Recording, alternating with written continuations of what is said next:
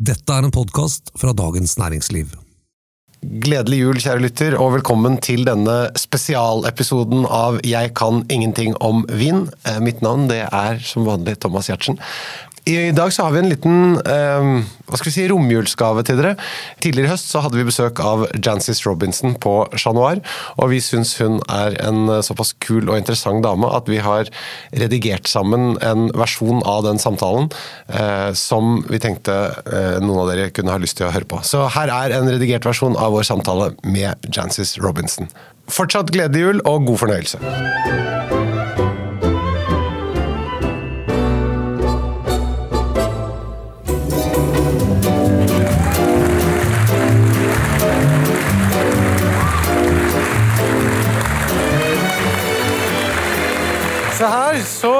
Veldig hyggelig å se så mange mennesker på en tirsdag. Velkommen til eh, denne samtalen med eh, Jancis Robinson, og ikke minst til eh, vinsmaking. Merete, jeg antar du har gledet deg kanskje aller mest av alle her i dag? Ja, det vil jeg si. Eh, jeg gleder meg kjempemasse til å møte Jancis igjen, og ikke minst sammen med dere. Vi skal ikke bare smake eh, vin i dag. Du skal blindsmake sammen med publikum foran Jancis. Jeg må bare si Det syns jeg er jævla sporty av deg. Ja. Vi, vi satt og diskuterte dette på, på jobben, og så, så spurte jeg deg, så og så sa du ja. Jeg hadde aldri trodd det. Jeg er jo Voss. oss. Du er fra Voss, ja. Nettopp. Det er, det, det, dette er på en måte din variant av ekstrem-VK. Ja. men jeg tenkte sånn, altså, jeg, Noen må jo ha litt baller her, så da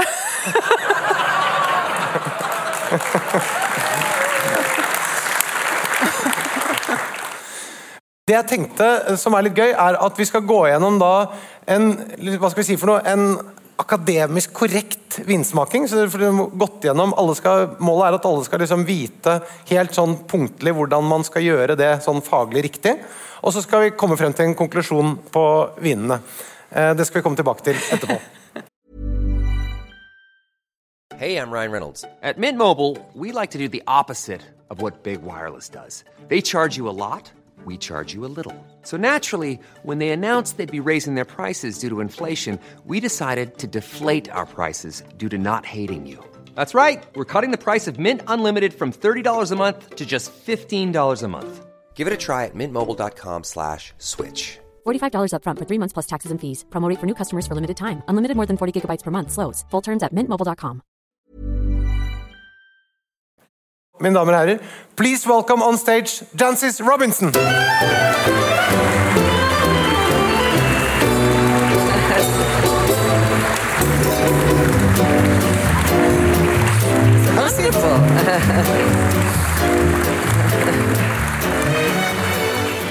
She's so glamorous. I can't get over it. It's fantastic. No- nothing like this has ever happened to me before. No, no. Oh, you, you, you see, you're very popular. You This see, is you- amazing. Well, no, I think Norwegians just love wine.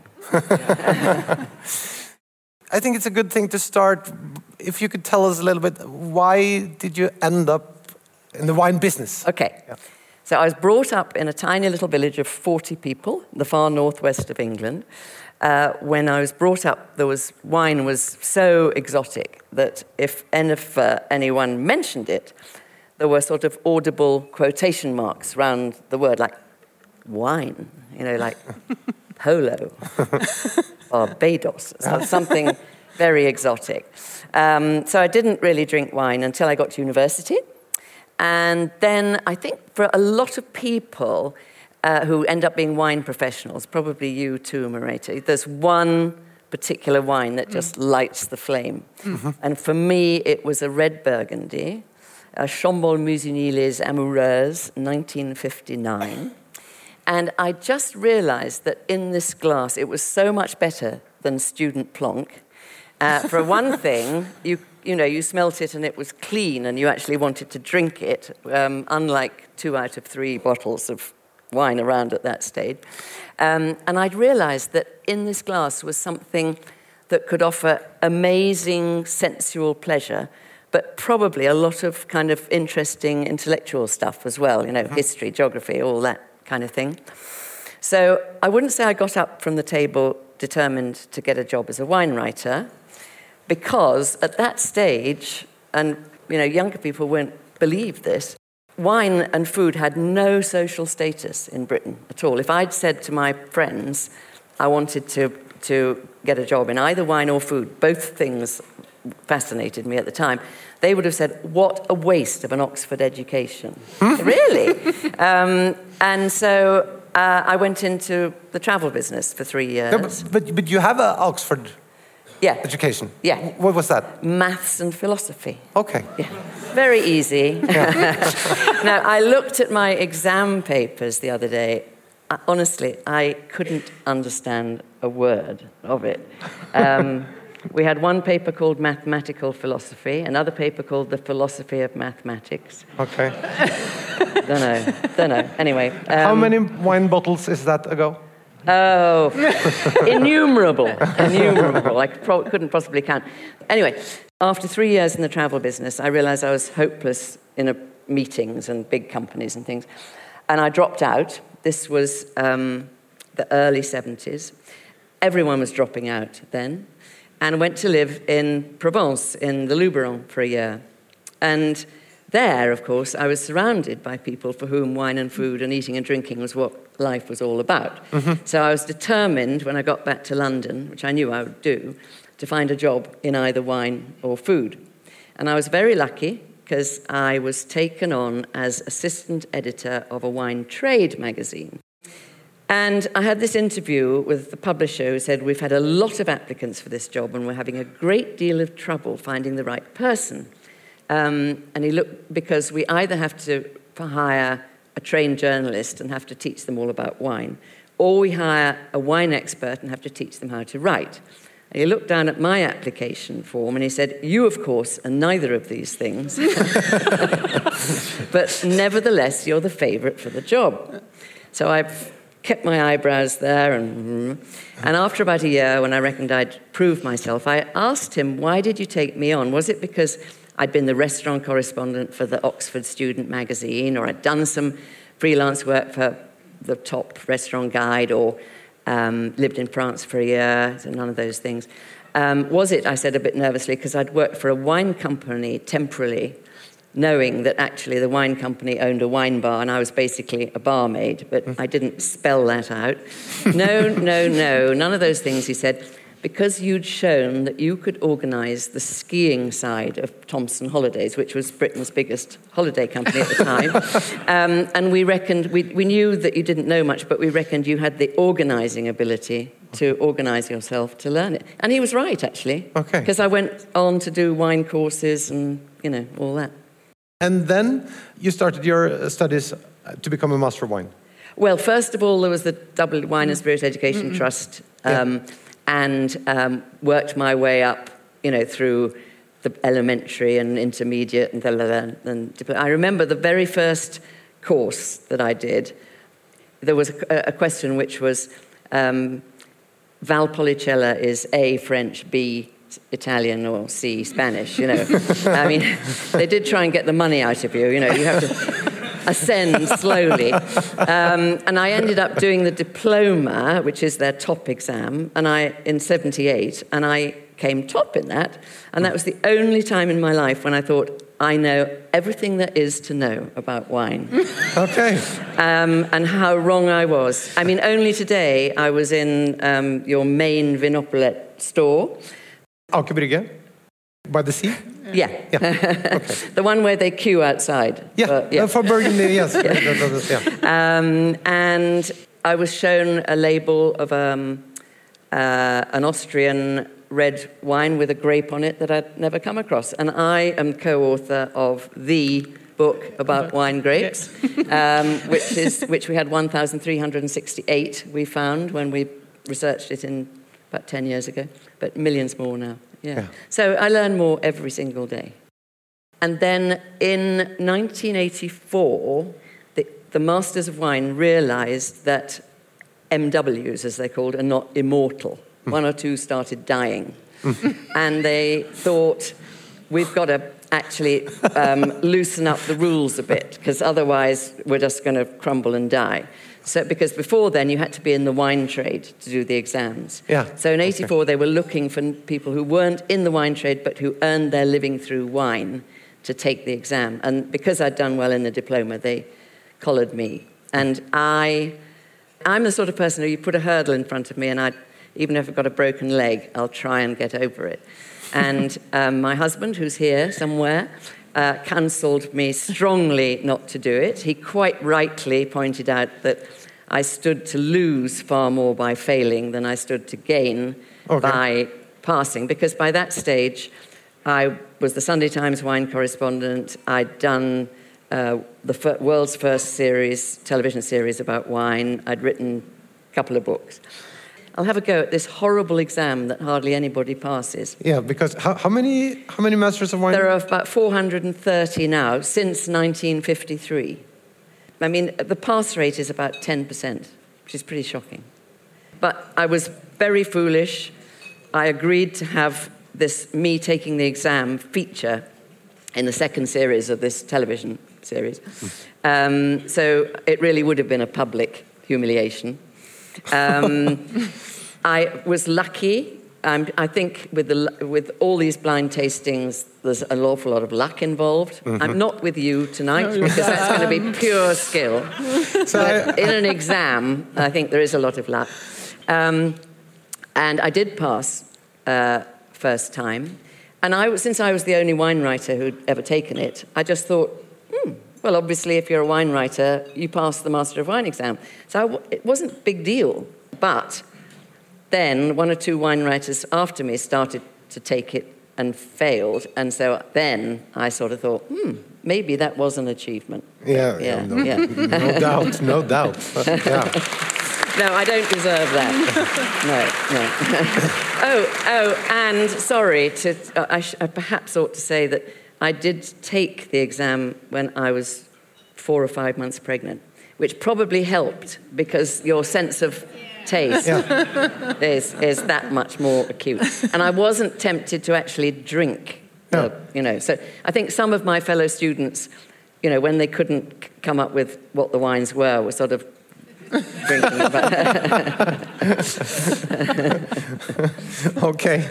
Why did you want to write uh, the Oxford Companion to wine? Um, it was a huge challenge because I had to somehow fill 800 pages with two columns in each page with alphabetically listed entries of little articles of varying sizes that would cover the entire subject of wine. And we know how ramified it is. I mean, there's science, there's history, there's labeling, there's all, there's all the regions, there are the grape varieties. Um, there's all the sort of miscellaneous stuff, you know, like tasting and labels and things like that. But I honestly think that my training in maths and philosophy helped because the, lo- the, the bridge between maths and philosophy is logic. Mm-hmm. And so while I can no longer add up, I do have quite an logical brain. Mm-hmm. So I did look at wine and I kind of separated it into various topics. And then within the topics, various articles, and then started to find out. You know, it was great because I could contact famous historians and ask them if they could write, you know, the history of Greek poetry about wine, sort of thing, and they quite liked that because it was wine is, you know, people think wine's fun. um, uh, so that it was it was a wonderful experience, except that this was pre-email. So all of the con- contributions, and I wrote quite a lot of it, but the contributions, there were 300 contributors, I think. The contributions came in on paper, faxes or, or in on, in, on paper. So, so I have to say, and I think Nick can um, corroborate me, that whenever I've had a, a major book deadline hanging over me, and this this latest one, out last week, is the fifth edition, so I've been through four editions. I do, it's very bad for sleep. You wake up in the middle of the night and, you know, you suddenly think, oh, no, I, I forgot to do that. And I must link those. It's full of cross references, you know. Uh, it is quite, it's quite a challenge. But uh, I was rewarded in the sense because um, it turned out when it came out in 94, uh, it was Oxford University Press's bestseller apart from their dictionary, which is incredible. Absolutely incredible. Um, and um, it's, they gave me a sort of wonderfully leather bound edition, you know, with gold on it to celebrate. And then you also did, uh, Merete talked a lot about uh, a television series that you did in for the BBC in Yeah. 95. After the three series of the wine program for Channel 4, which was a new channel in the UK in the 80s, um, we did a series of all around the world called Jancis Robinson's Wine Course, with each episode, I think there were 10 episodes, mostly devoted to, To a great grape variety. Yeah. And it was actually the last series the BBC ever produced that was actually shot on film as opposed to video.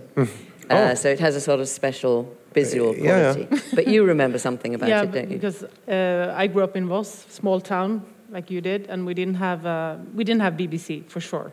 Uh, so I had to buy it on a video, and I, that summer I bought it. I so, I saw the whole series, and it's a lot of hours, uh, 16 times. Uh, which tells you a lot about how boring life was. Uh, and, um, and I especially remember uh, Burgundy because Burgundy was my first, also a little bit first love of wine, and and I also remember thinking that seriously, can anybody have that that as a job? Because I didn't have Financial Times, you couldn't buy Financial Times in Voss at that time, I think. So I was like, can somebody just travel around the world tasting wine? And uh, now I have like similar jobs. So, yeah. So you're actually So the reason you. that we're all here.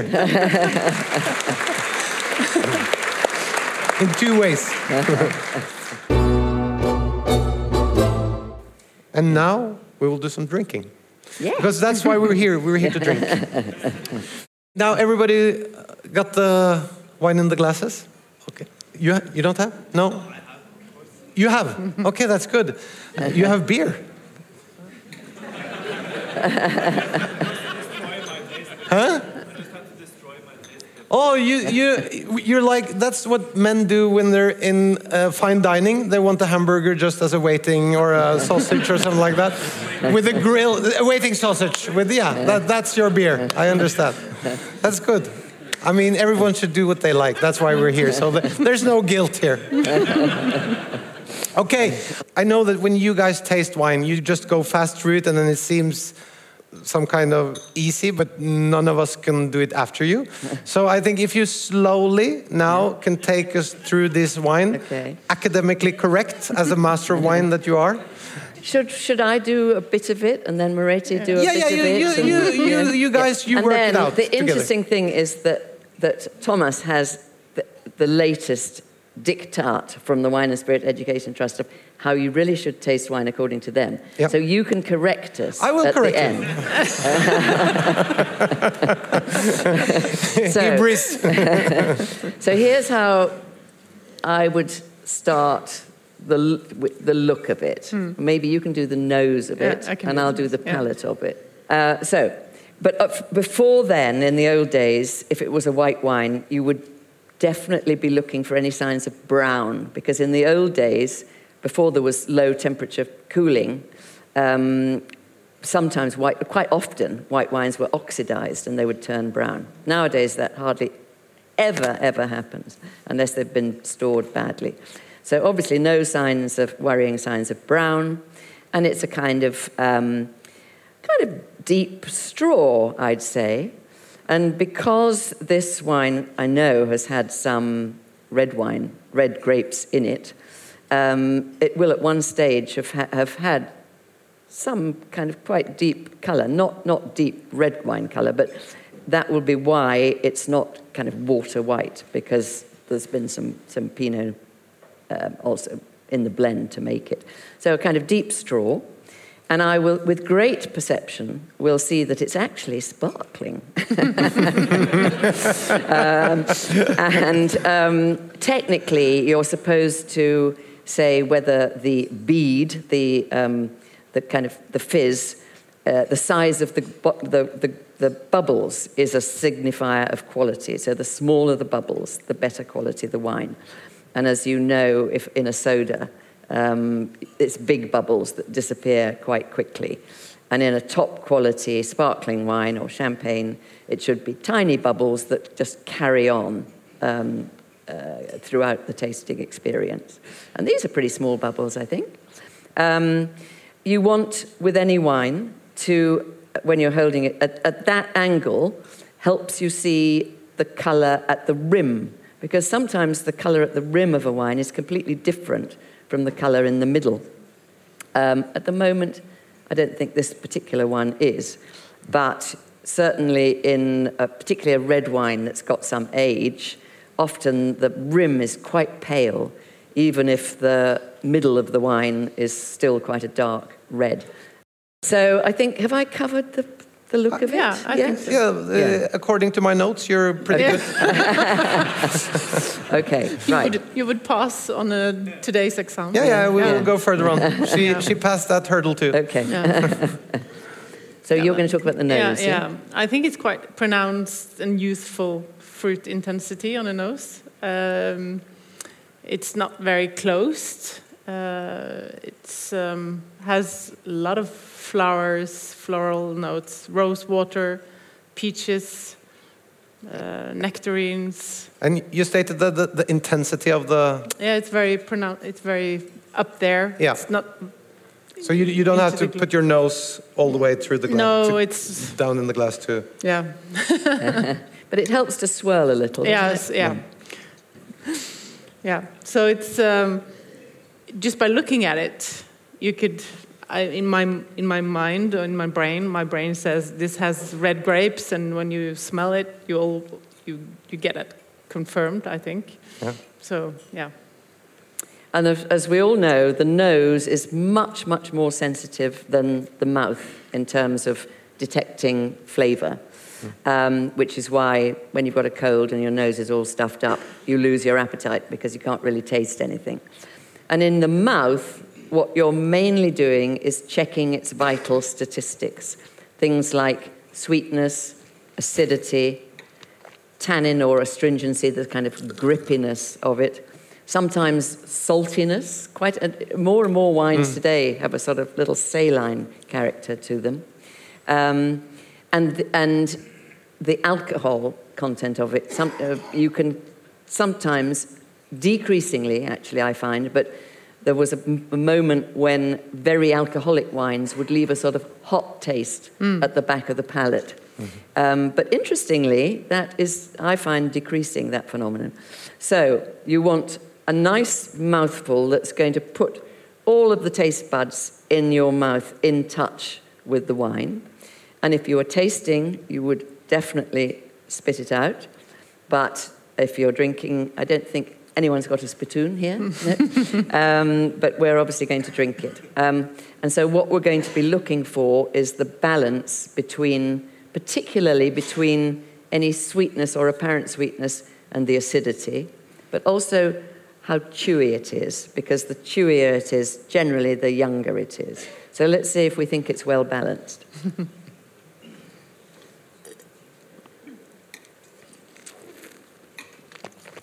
Ooh, well done. You're sp- mm. Yeah, yeah, yeah. Um, it's Tuesday.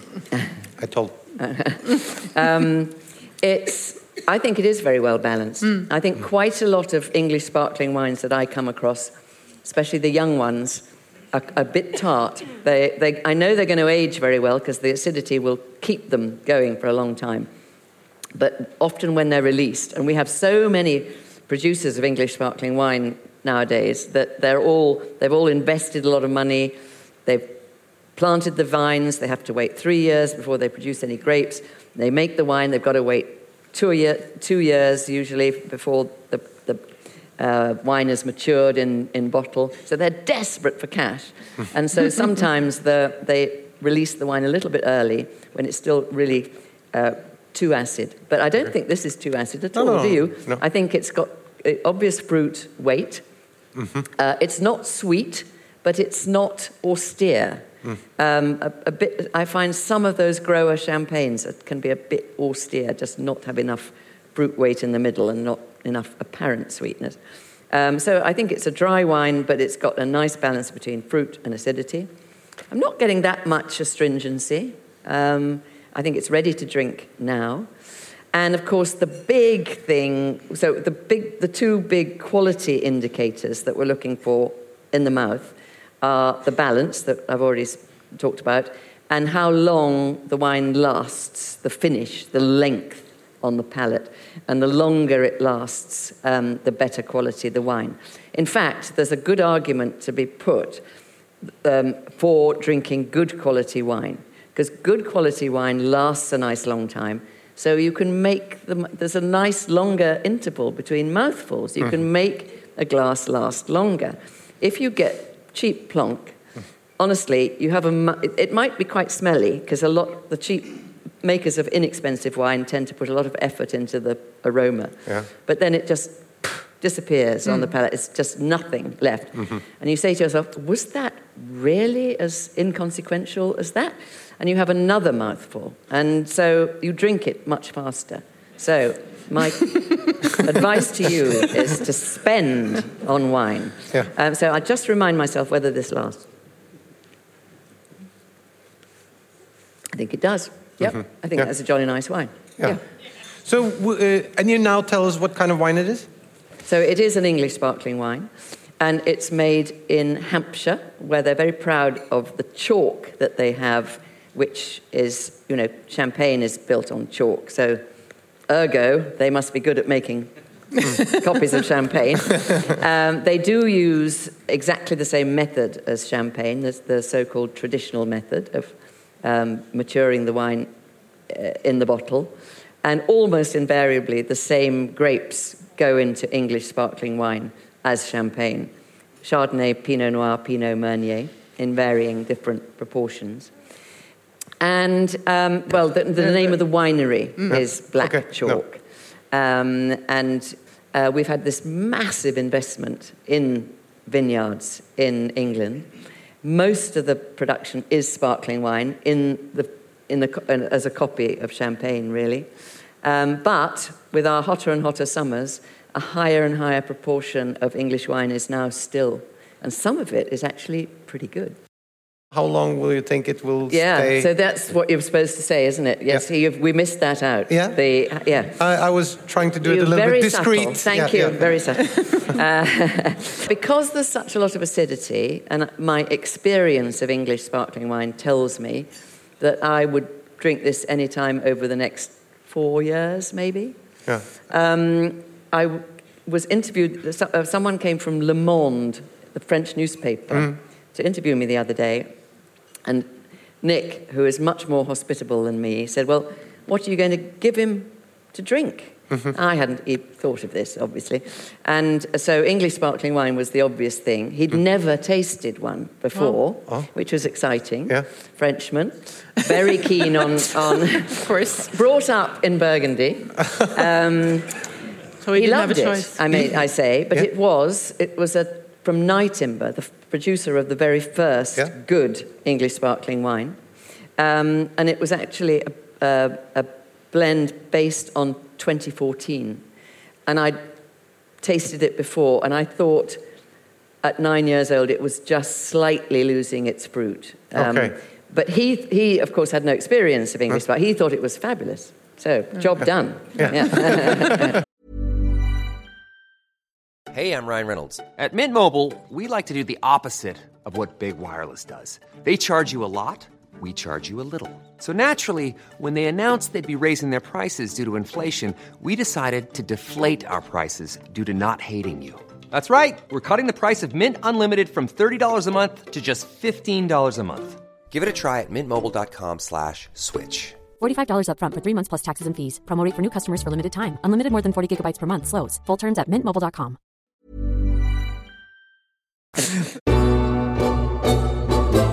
Nå skal vi gjøre første eh, blindsmakingen. Da basert på det, eh, den gjennomgangen som vi eh, gjorde her nå. Den får dere i eh, karaffel. Eh, og Merete, du eh, får også det. blind tasting, I think, is like a sport. You've got to be in condition. Do you yeah. blind taste a lot? No. But it, it's, it's all, eh, to, to be in all fairness, we have to say also it's about resonating right. It's not not Yeah. necessarily just to pick the right. No, I think what you're often doing, you're having a smell and you're hoping for that bolt. Yeah, yes, yeah, that's yeah. what it Yeah. is. And if you don't get Yeah. that, then It's you've got to go through this tedious business of elimination. Mm. Can't be that, can't be that. High acid, therefore, possibly the. Mm. Um, but really, what you want is the inspiration, isn't Of it? course. Yeah. No, you know, I've done competition. It's um, 13 years ago, so it's been a while. Yeah. Okay, so what we'll do now is we, we will go through this wine. You will not say everything you think, because I will ask you some questions. And then I will show the audience the right answer, and you will be in the dark. So we'll, we'll sort of slowly, slowly freezing you out. You have to be patient. Give me some time here. I'm, I'm too eager now, you know. okay, everybody's got the wine?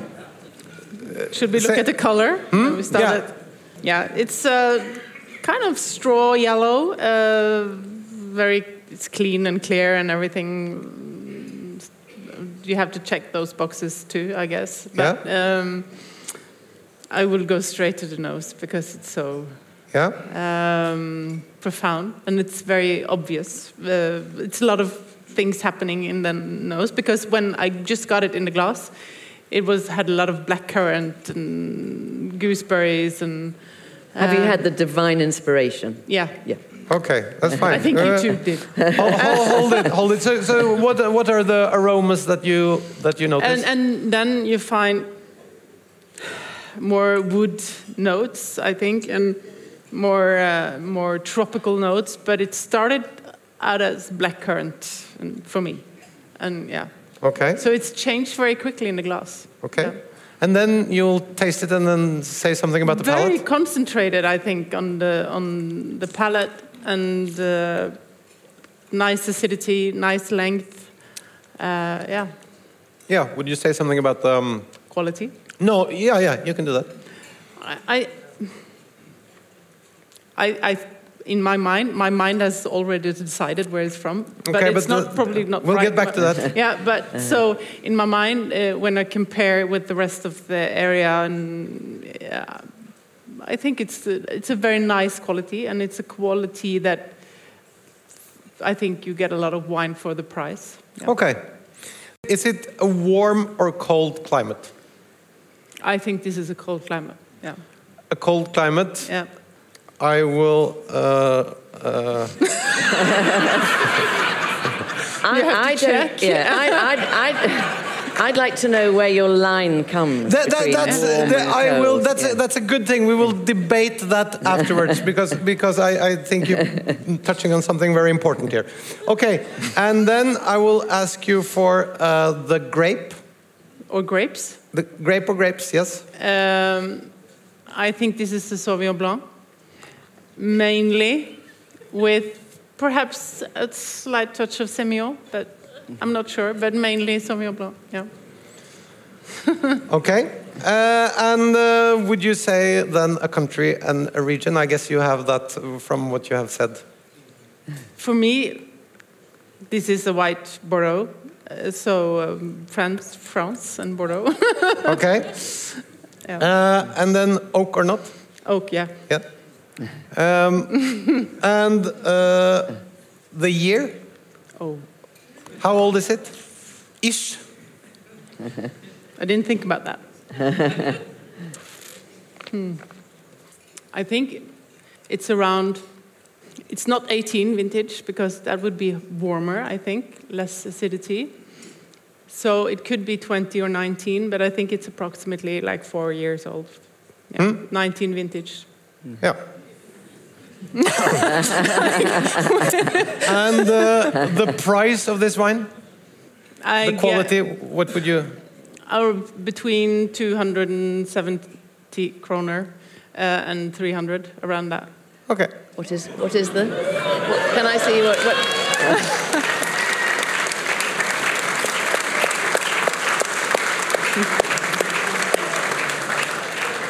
I will not reveal anything to you, but I, I will just say that uh, you haven't made a shame of us. Uh, no. Yeah. We are, we are a team, you know. And, uh, Very good. we will reveal the, the bottle uh, when we come to the end of the night. You said uh, cold climate, but you had some comments and, on that. And yet you thought it was Bordeaux, didn't Yeah. you? Yeah, yeah, And you would call that a cold climate. Yeah, yeah. Yeah. And I was quite surprised when I saw your cards Mm. before because, um, you know, I, I would think of a warm climate. Yeah, Bordeaux is warming up. Yeah. That's for sure. And, and Bordeaux now is actually uh, Prob- yeah, I, I, warm. but I suppose there isn't really one line between cool and no, warm. no. is there? But but you Yeah. could argue that that Yeah. Bordeaux now is a warm climate. What would you call Burgundy? Yeah. Well, Yeah, yeah. It, it, used to all normal back in the old days. It was cool. Yeah. Yeah. And and sort of the, the, the rule of thumb was that the old world was cold and Yeah. then the new world was warm. Yeah. So, yeah. Could you say? Yes, Yeah. yes, yes. Apart As- from, as- say, uh, Ontario, mm. which would be cool. Uh, yeah. So, what are your thoughts of the the warm summers that has been in Europe now the the recent years? Mm. And of course, it's not just warming summers, but much more dramatic weather, isn't Yeah. it? You know, Yeah. Mm. floods, wildfires. Um, and then every now and then you get a cool year like 2021. So uh, it's not every single year. But um, yeah, the style of wine is changing nowhere more than in Burgundy, which we keep talking about. And so the map that, of, of Burgundy, well, the, the, the map of the world of wine is changing all the time. Everyone's moving towards the poles or uphill to try and get cooler. Um, in Burgundy itself, um, you know, the Grand Cru were Grand Cru because they would ripen grapes reliably. Mm-hmm. Now, they're- some of them are ripening grapes too much. And you've got the satellite areas of Burgundy that used to be thought of as being not very smart because they'd only ripen the grapes once every three or four years. Now they're producing wines with more freshness and arguably more typical character of Burgundy than like places like Saint-Aubin used to be thought of as being on the, you know, not nearly as good as Chassagne or, or Puligny or Meursault, but lovely wines coming from that slightly cooler area. Mm. And even Saint-Romain up in the hills mm. is starting to be good. And then the Haute Côte, the higher bits of the Côte d'Or. I mean, you know, that's a place to buy land now, I'd have thought, mm. um, because everything's getting warmer and, and less characteristic. I mean, sometimes there apparently there are Burgundy musts that are 15% alcohol, which Yeah. is just unthinkable before. And I, I, I know a very well-known um, producer of Meursault, not Dominique Lafon, who um, told some friends of ours that he doesn't think he's going to be making wine in 20 years' time. It's Yeah. just going to change so much. And of course, Burgundy is very short of water. There's nowhere they, there's nowhere they can get water. All the um, they don't have sort of boreholes, and there's the all of the the um, available water goes to the Dijon or you know the cities. Uh, Burgundy was sort of in uh, 2005, 4 5 was kept to more wine nerds and then became really broad and the prices really, really went Yeah, I high. think because it's made in the famous wines are made in such small quantity, it was perfect for billionaires because wine was, you know, along with your yacht, you get your wine cellar. Um, and there are just more and more billionaires in the world who are interested in wine. And so I'm sure that has been a major factor in inflating prices. Could there be a new Burgundy? Well, yes, area? I think actually what's exciting is that there are a lot of young people coming into Burgundy who can't afford to buy land because Bur- land in Burgundy is ridiculous, but can afford to buy grapes and, uh, and rent a corner of a cellar. And so there are lots of new names. Uh, there, there are affordable Burgundies to be discovered. Okay. However, there is also Oregon, which is making some absolutely fabulous Pinot Noir. Um, Germany is making better and better Spätburgunder. Pin- uh, they went through a phase of making really too oaky um, yeah. wine, too ripe wines, but now they're really quite subtle and stuff. Um, there are bits, cooler bits of um, Australia and, and New Zealand that are making really nice Pinot Noir. And of course, there's um, uh, the coast, the Pacific coast of California, which is much cooler than the rest of California. You know, Sonoma Coast, Santa Rita Hills in the south, Sonoma Coast in the north. You know, that if you like Pinot Noir, there's an awful lot to choose from nowadays. And even Britain. Yeah, there's. Um, I've I've had one really impressive Pinot Noir. I don't know if you had Danbury Ridge. It's from Essex. It's from a very warm corner of um, England, which doesn't have as hardly any wineries, but people have been buying grapes from there for ages, Okay. knowing how good it is.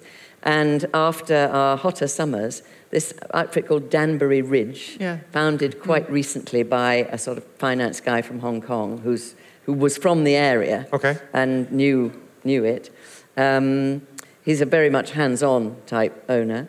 Um, they, um, they're making really a serious Pinot Noir. Okay. His winemaker uh, was a Northern Irish amateur jockey who got fed up with the summer, the wet summers in Ireland, Okay. and went and offered to do a, uh, a vintage at Williams Selyem in Russian River Valley in California. Okay, the- the American producer, yeah. Yeah, and uh, then got the bug in making lovely wine. Yeah. Okay. When people say to me, "What's up and coming?" Yeah. Which wine regions are up and coming? For some time now, Let's I've- pretend I said that now. Okay. um, I've said Portugal and Greece because for, the, for the same reason. Yeah. They have fantastic grape varieties of their own. Yeah. Really wonderful array with their own characteristics.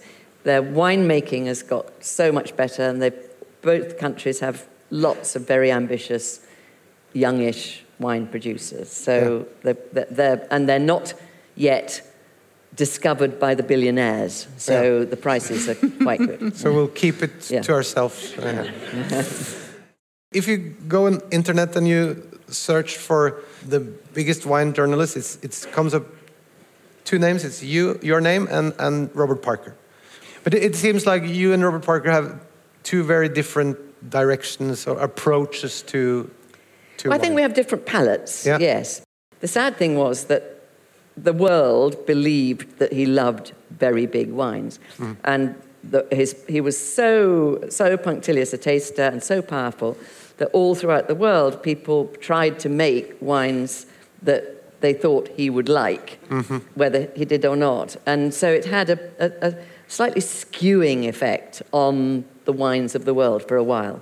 But nowadays, um, every, what's exciting is that there are so many different styles and flavors and places that wine comes from.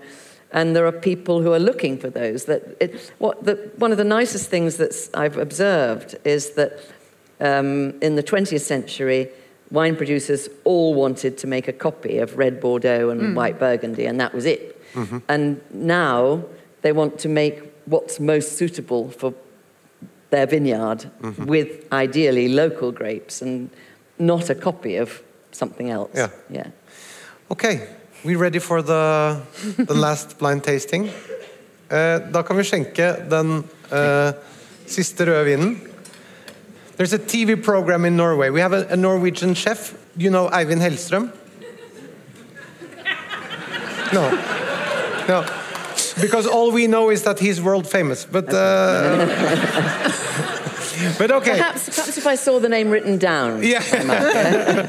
no, but but the, there there was a he has a program, and he were to uh, blind taste from a, a black glass, and he changed the the white and the red wine. He he, He mistook he, he mistook them. Yeah. Yes, and that has been. Um, a lot of people ask, why is that possible? Uh, It's, I think it's actually quite possible, particularly, funny enough, Burgundy is a theme here, but particularly with Burgundy, particularly if you serve the wines at the same temperature. yes. Chardonnay is very closely related to Pinot Noir anyway, same family. Um, and the structure of, of a light red burgundy is very similar to the structure of, of a white burgundy. So it has, has to be light, Light, little yes. tannins. Yeah, low tannin, Yeah. a little bit of fre- acidity, freshness, and, Mm-hmm. and all the rest. Um, made very similarly, actually. Mm-hmm. Um, and so I can fully understand it. But um, our older daughter is very annoying because she says that she doesn't like red wine. Okay. And I think that's ridiculous, especially since I've got so, so much red wine to give away. It's, uh, uh, you know, all the things that I taste at home. I've got bottle. I mean, Yeah, yeah. you must have seen. Yeah, the- my neighbours, they, They love, love me. It's the same. It's the same with Merete. Yeah, yeah, yeah. So we all went together on a little trip at New Year, and I said to Julia, "Look, I'm going, I'm going to blindfold you, and I'm going to give you a red and a white, Okay. and I bet you won't be able to tell the difference." Okay. So I deliberately chose a sort of white burgundy-ish and a red burgundy-ish, Yeah. and served them at the same temperature. She's a very good taster. She got them right. She got them right. Yeah. Yeah. Okay. Yeah, so she's still only drinking white wine.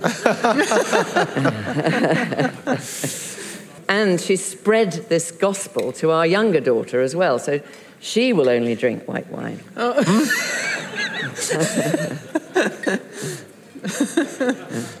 But they know who their mother is. Yeah, yes. But the, the boy in between is Yeah, yeah, he's yeah, keeping up. yeah. there, yeah. We're ready, Merete. Yeah. You'll start taking us through this wine. Hmm. It's not so easy as the white one. No. No. But uh, not everything can be that in life. Oh,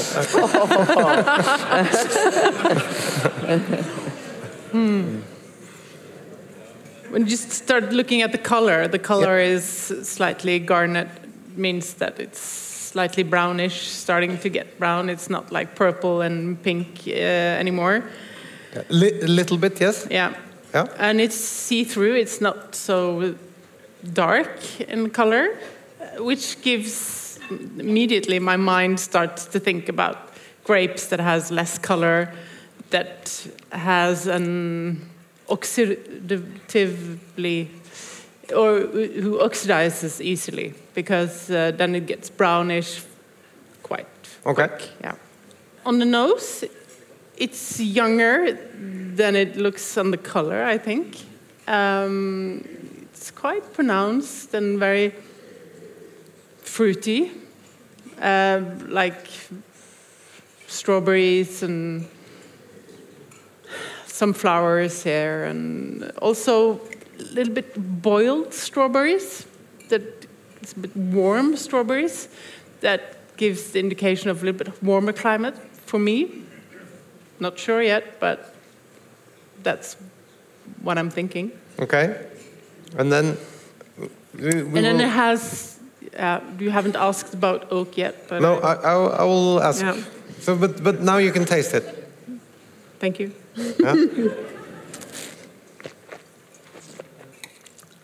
It's quite. The tannins are quite pronounced. When you you look at it, you think that this is a light-bodied wine, but it's not. Um, the tannins dry out a little bit. Alcohol is sort of on the higher part. I think above 14, 13 and a half, above 14, I think. And it's young, but it's been made of grapes that age quickly, sort of. Okay. Um, balanced acidity, but I, I think it's like Europe, but I think it's warmer Europe. okay. We'll say warm or cold climate. Yeah, warm in Europe. Warm in Europe. Okay. Uh, that, that's a, that's a good uh, good answer though. yes. But we, we, we will also on this one we will get back to to this. Um, the grape. It's between two. I think it's Grenache. Okay. no, no, no, no, no. What was the other one? She was laughing at my uh-huh. poker face. I was think, I was thinking about Cinsault, but then it wouldn't be southern part of France. I would go to So, so Lebanon or something you, like you're, that. yeah. Why are you saying this? You- You're saying this because of the, the color and the. Yeah, more the Capel- more the aromas, I think, more Okay. than the color. The color is a little bit Grenache for me. Yeah. Okay. So you say Grenache? Mm-hmm. Uh, So it was not. and the, the country. Nobody uh, was. the, the country region. I think it's southern part of Rome. Yeah, Southern part of Rome. yeah. Southern part of Rome. Rhone, Rhone, Oh. the Rhone Valley, not Rome, no Yeah, Lazio, no. Okay, uh, oak or not? Oak, yeah.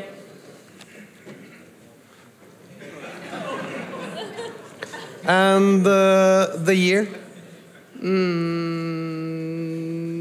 2017, 18, around. Yeah.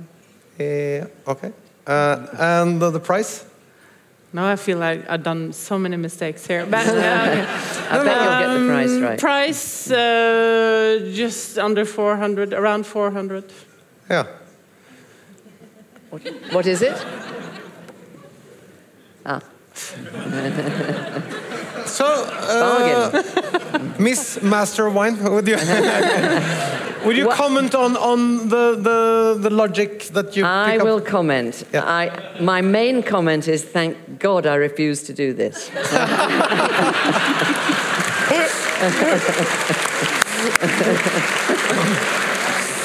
and secondary, I think Merete has done the most fabulous job. Yeah, I Um, agree. Especially with the work. Um, I think on that red wine, the only, knowing what it is, Mm. the only thing that I would have picked up on was maybe the slight tannin, slight Mm, yeah, yeah. astringency, Yeah. which. So I, actually, there are quite a few Grenaches that have got that, Yeah, but yeah. no Cinsaults, I don't Yeah, yeah, think. They're, no, they're sort no. of softer, Yeah, yeah, aren't yeah. they? Yeah. Um, but I think, you know, I absolutely see why you said what Could have you been said. Xinomavro, perhaps. Yes. Oh.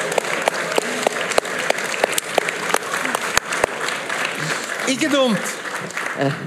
Could have been. Yeah. Because Yeah. now the you know sometimes you need some time to get the you know the old machine. Yeah, the and you, boop you're, and the, you're the- pulled, you're yeah, taken yeah, on yeah, one yeah, path. yeah. And, Yeah, Because and you try and make everything fit what you've Yeah, decided yeah, it is. yeah, Yeah. yeah. Okay, we can say you changed. Yeah, we can say I changed. Yeah, yeah. Oh, a little bit. You, you decide. No, no, no, it's, it's okay. Do you think there's anything more that we have to comment on, or, or we should just reveal the I wine? think we should reveal the wines. Okay, so we'll reveal. Can we have the bottles up here? Merete, would you guess what the first wine was? You have a producer and. Uh, uh, But I, I think it's from a very well-known Bordeaux family, Lurton. Um, yeah. So the white uh, wine. could be Couhins-Lurton, could be Rochemorin. I don't. know.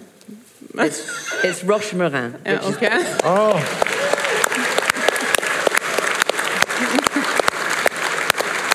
And it, it's interesting, you said, um, Ah, I think it's Sauvignon, but perhaps with a little bit Semillon. Yeah, yeah. And I think a characteristic of those Lurton Yeah, yeah. whites is that they taste as though they've got some Semillon Yeah, in. yeah. But Yeah. Andre Lurton, who died in, I think, 18 or 19, 19 um, wouldn't countenance Semillon. So Hmm. even his Couhins-Lurton, which always tastes like 100% Hmm. Semillon, is actually 100% Sauvignon.